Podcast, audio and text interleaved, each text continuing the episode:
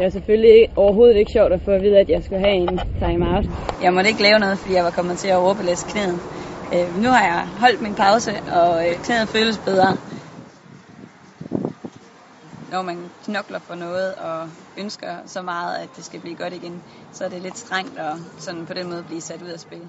Jeg har nu også fået at vide, at, at det næsten er umuligt at gå igennem sådan et genoptræningsforløb uden at få sådan et setback undervejs. Øhm, jeg gad måske bare godt, at det var kommet lidt tidligere så.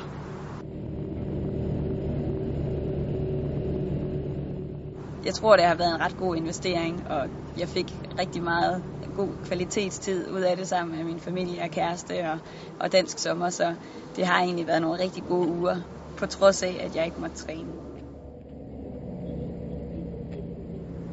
Den belastning, der er på knæet, når man kører over en hoprampe, den var åbenbart større end både jeg og mine træner havde tænkt, den ville være.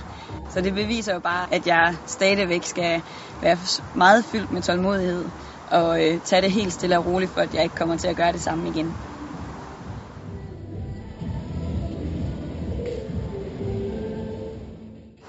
På vandet er der lidt flere usikkerheder, øhm, og der er, der er lidt flere pludselige bevægelser.